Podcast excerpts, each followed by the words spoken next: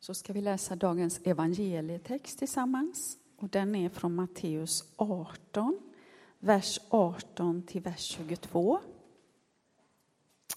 Och det är på sidan 693.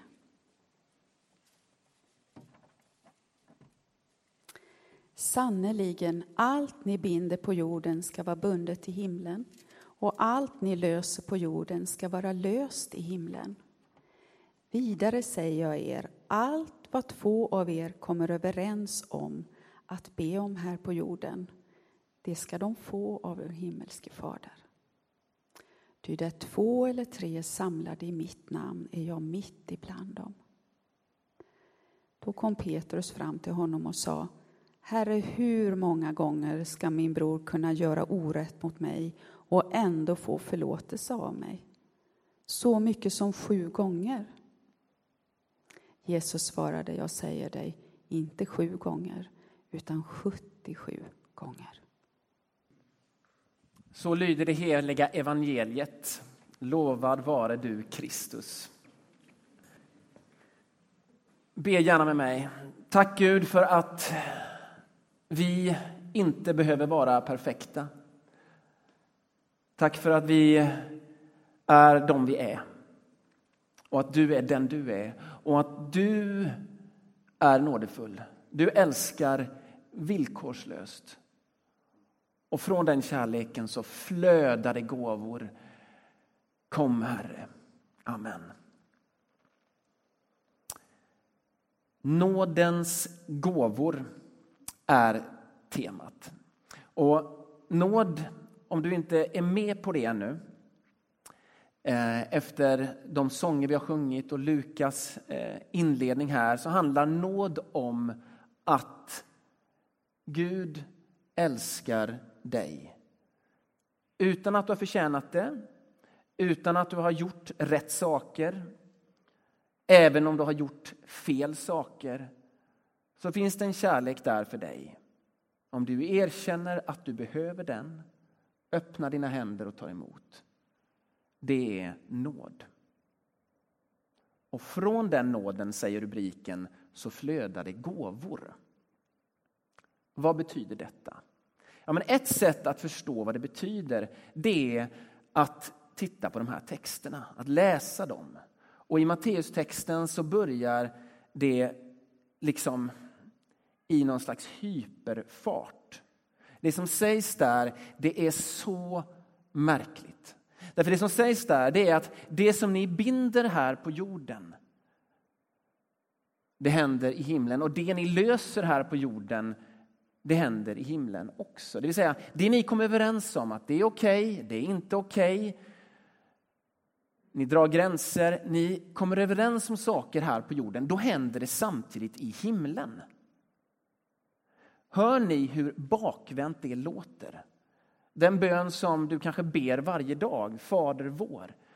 Där sägs det, ske din vilja så som i himlen, så och på jorden. Alltså att så som i himlen, så ska ske på jorden. Här vänder Jesus på det och säger att det ni gör på jorden, det händer också i himlen. Så som på jorden, så och i himlen. Har ni tänkt på det? Alltså, vilket förtroende Jesus ger oss. För vi är ju med där. Han ger det till lärjungarna, men vi är lärjungarnas lärjungars lärjungars lärjungars lärjungar ungefär. Så att vi får det förtroendet. Att, att leva ett liv där det vi gör betyder så mycket. Där det har en liksom himmelsk valör. Eh, eh, är det verkligen så här? Låter det inte konstigt? Låter det inte som att det bjuder in till maktmissbruk? Att nu bestämmer vi så här och det är så det är även i himlen. Låter det inte som att Jesus har missuppfattat vilka vi är? Glömt bort att vi är människor som gör fel, tänker fel och som Lukas var inne på är syndare. Hur ska det gå? Hur kan man lämna över ett sådant förtroende till oss? Stämmer detta verkligen?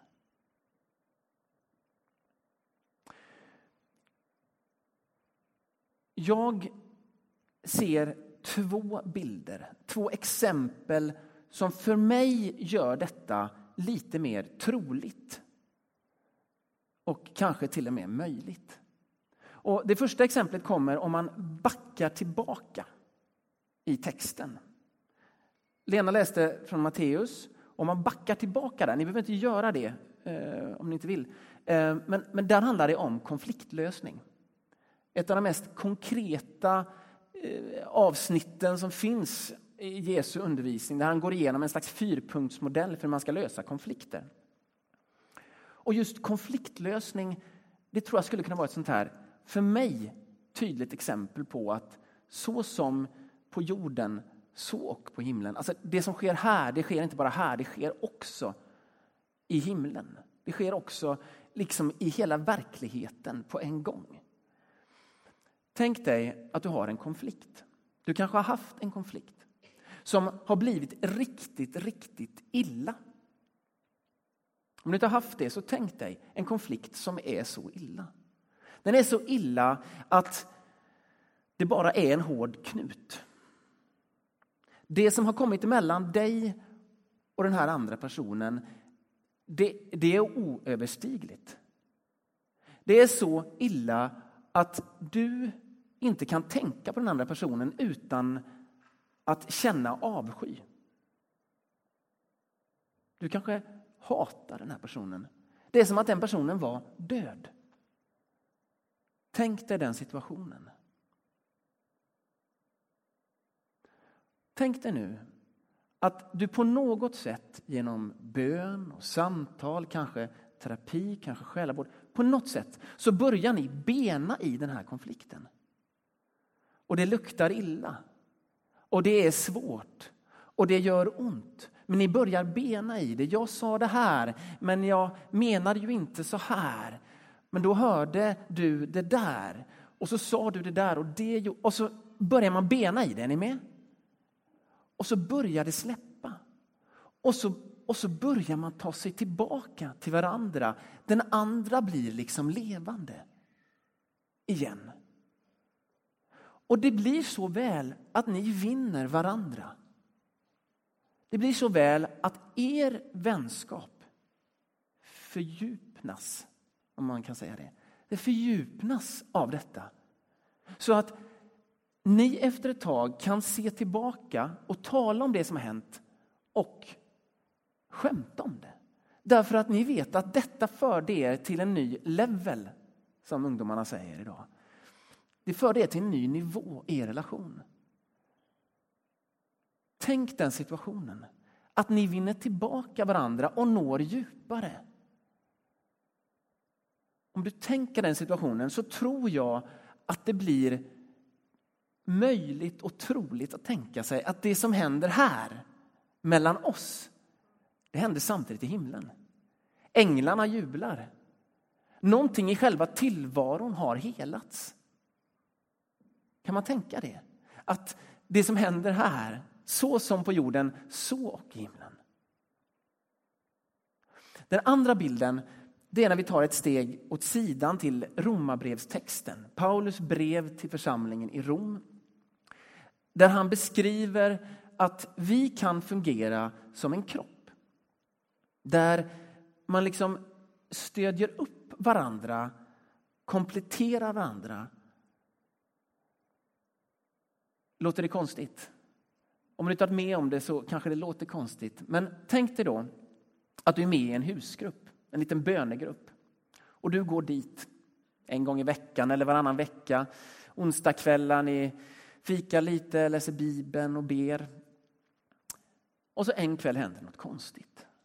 En kväll så är han som brukar vara så stark och klok. Han fixar inte längre. Han bryter ihop. Kanske under bönen. Han fixar inte längre. Om det är jobbet eller plugget eller relationen, men det håller inte. Styrkan är borta. Och tårarna kommer. Mycket. Och det är ett totalt nederlag. Det är pinsamt. Och han vet inte vad han gör, liksom. vad han ska ta vägen. Men där så blir det plötsligt en kropp. Därför det är någon som gråter med honom. Och någon säger ett ord som hjälper. Och någon ber. Och från den kvällen så är den husgruppen inte bara en fikaklubb. Man gör inte bara vad man ska, utan man sitter ihop. Den ena efter den andra vågar vara sårbar. Och så stöttar man upp och hjälper varandra. Och någon har svårt med ekonomin. Och då finns det någon som har. Och som har gåvan att frikostigt dela med sig. Och så sitter det plötsligt ihop. Om man är med om det, eller om man kan tänka sig det, kan man också tänka sig att det som händer här på jorden händer samtidigt i himlen. Att någonting i hela tillvaron är lite förändrat. Jag tror det. Det hjälper mig att se att detta inte bara är möjligt, troligt, lämpligt, utan kanske till och med nödvändigt. Hur kan vi annars leva? Men sådana konflikter, de gröper ju ur. En fasad som alltid måste hållas uppe, även i sin bönegrupp. Det gör ju att man till slut inte är sig själv, inte står ut med sig själv. Jag tror inte bara det är möjligt detta, jag tror att Jesus säger det därför att det måste hända. Det måste vara så.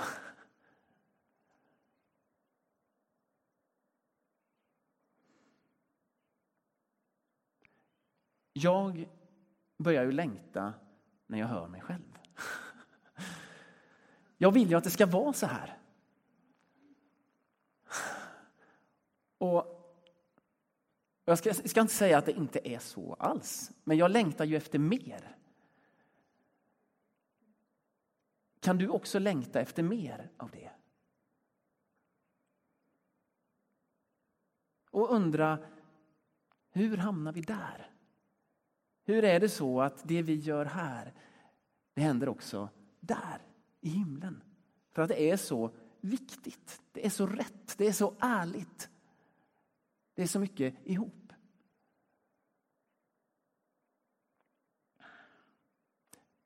Jag kan känna att, att det ibland är svårt. Och att det finns... Jag kan nästan känna en sorg, jag kan känna en längtan efter det, men jag kan också känna en sorg över att det inte är mer så. Att vi som församling, vi, vi tror rätt. Vi gör rätt väldigt mycket. Och ändå så saknar jag något av det här.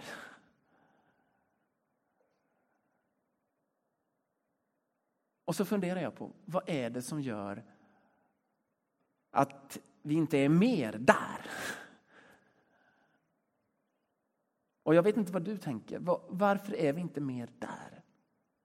Jesus säger det. Vi hör det. Vi håller med om det. Varför är vi inte mer där?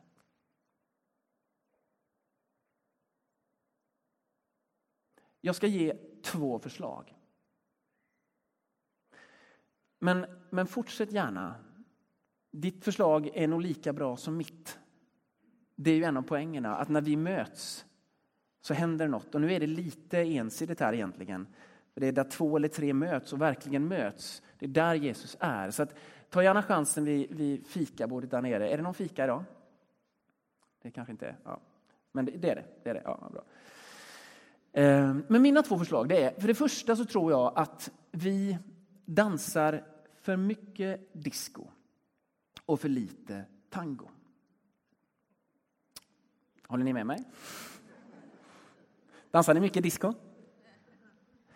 Eh, jag skulle behöva en frivillig här som hjälper mig, någon som tycker om att dansa disco och dansa tango. Så ska jag visa vad jag menar. Finns det någon frivillig? Ah, vad roligt! Eh, välkommen fram. Så, vad heter du? Linda heter jag. Linda, vad roligt. Jättefrivillig. Ja, vad jobbar du som? Eh, Jag jobbar som koreograf och dansare. Jaha, oh, det var ju, passar jättebra. Vilken tur! Herren leder. Eh, Men om vi får lite disco. eh, Kan du dansa disco också? Ja, den är bra.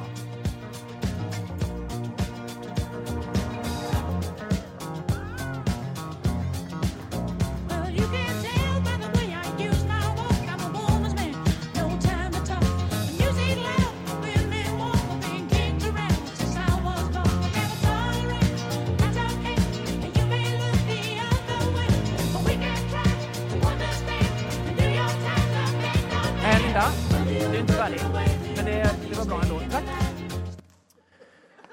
Så.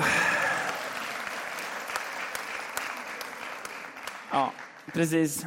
Och eh, om ni har dansat disco någon gång, lite så här, då vet ni att eh, det finns lite olika sätt att göra det på. Och ett vanligt sätt, eh, det var det som vi började med här, att, att du gjorde en, en cool grej. Så någonting va? Ja. Var det John Travolta som gjorde det först kanske? Ja. Precis, hon har koll. Och så liksom fångar jag upp det och så gör jag så också.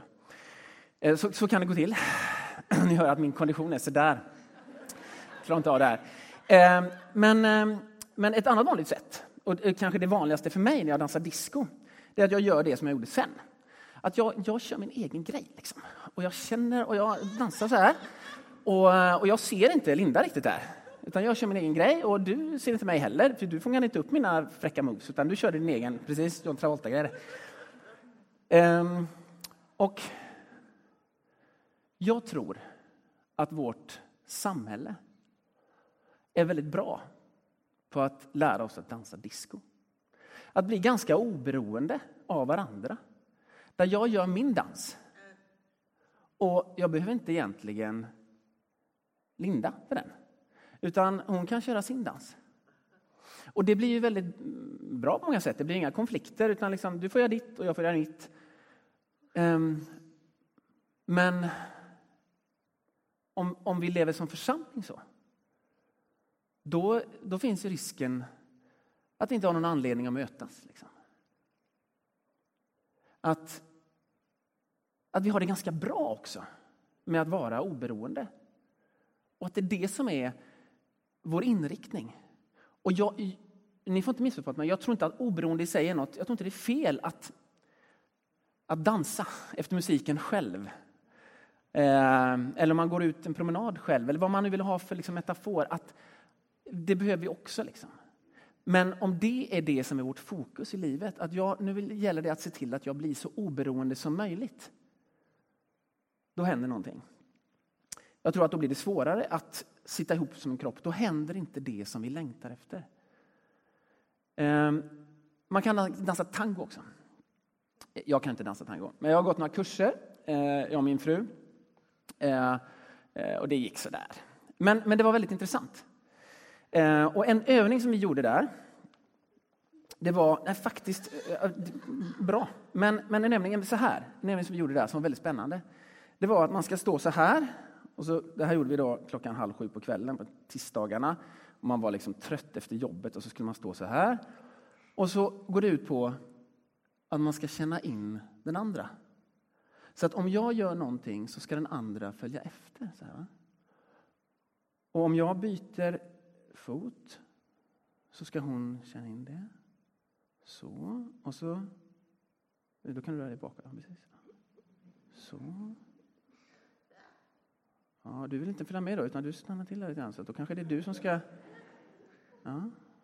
Så försöker vi lyssna på den andra. Ja, mm, okay okej. Ja, precis.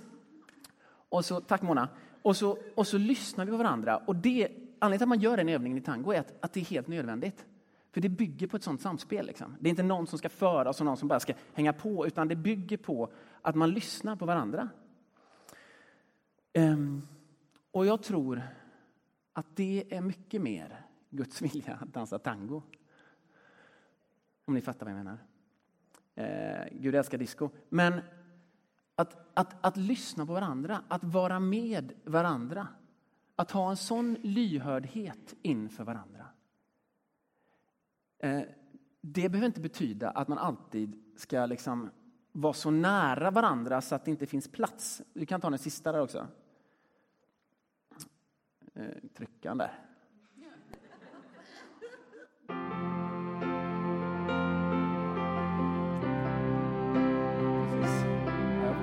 Faktiskt inte riktigt. Hela församlingen ser på här. Och så. Ehm, men, men det här är, det här är då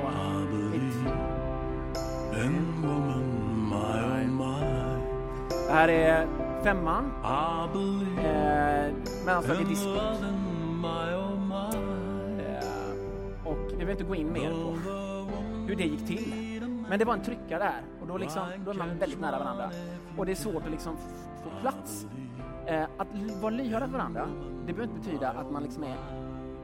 Så va? Tack. Och tack. Grymt.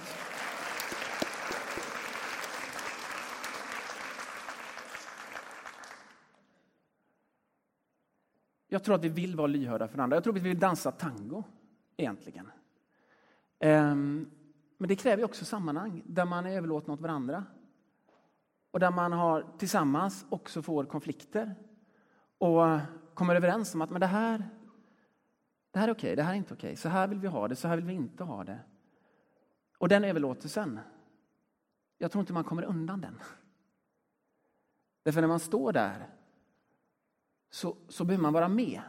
Man kan inte titta åt ett annat håll, för då märker man inte vad den andra gör. Och den överlåtelsen, jag tror den kan se ut på tusen sätt. Eh, att gifta sig är ett väldigt bra sätt.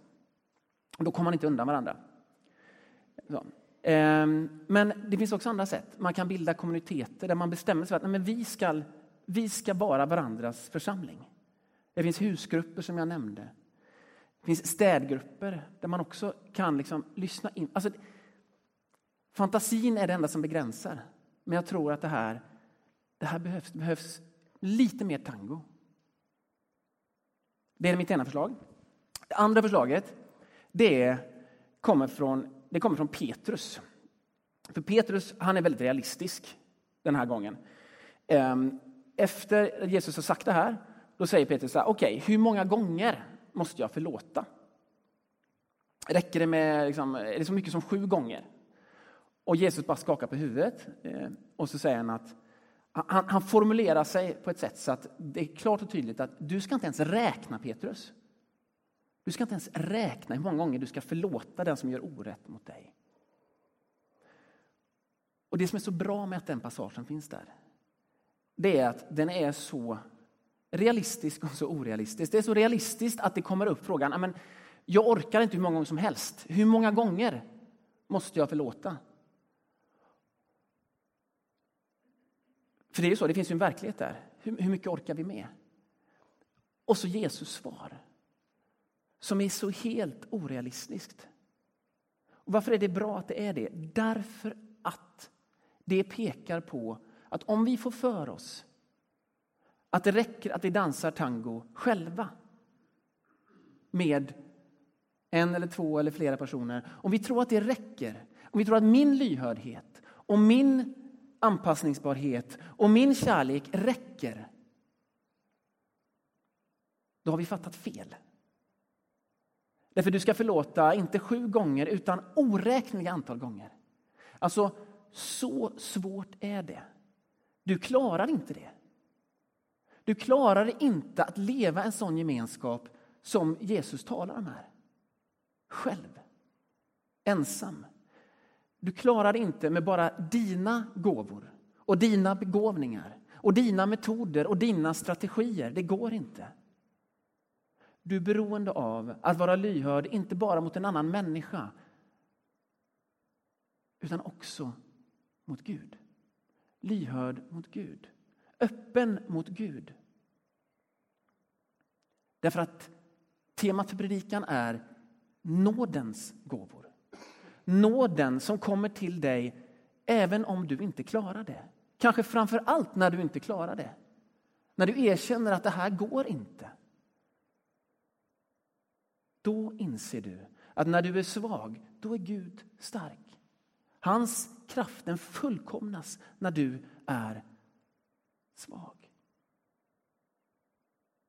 Så därför är det så att de av oss som är svaga, vi har ett försprång när det gäller att närma oss den här gemenskapen som Jesus talar om. Därför att vi vet att vi klarar oss inte. Och du som är så stark fortfarande att du tror att du klarar det ändå. Du kan vara helt lugn. Du kommer inte att klara det. Om du lyssnar på detta, du kommer inte att klara det.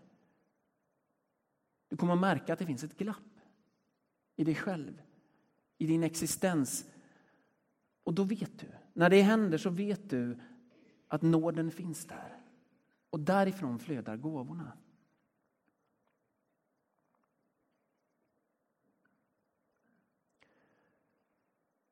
Det här blir tydligt också i Romarbrevstexten.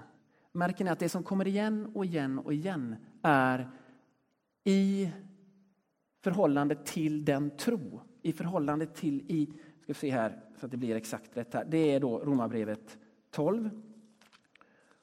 Och så säger Paulus att vi inte ska ha för höga tankar om oss själva. Så att man rättar sig efter det mått av tro som Gud har tilldelat honom. Ehm, olika gåvor, allt efter den nåd vi har fått. Allt efter, i enlighet med. Det är relationella ord. Vi klarar det inte själva, vi måste vara lyhörda. Ja.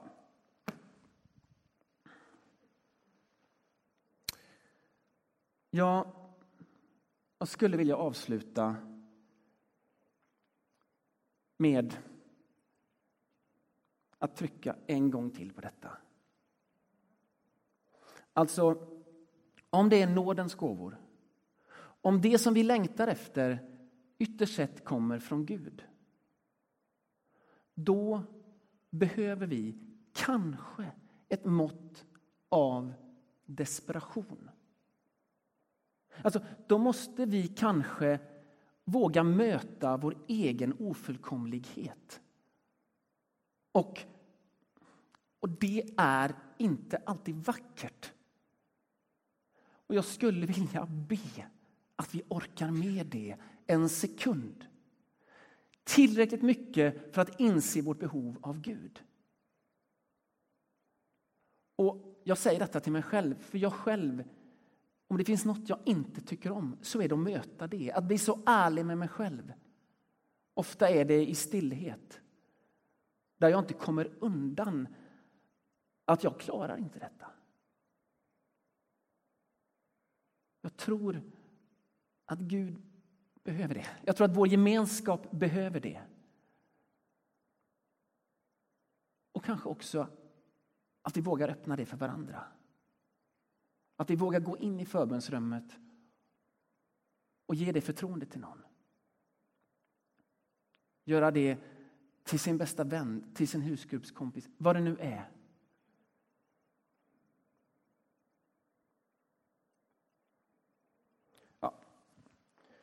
Amen.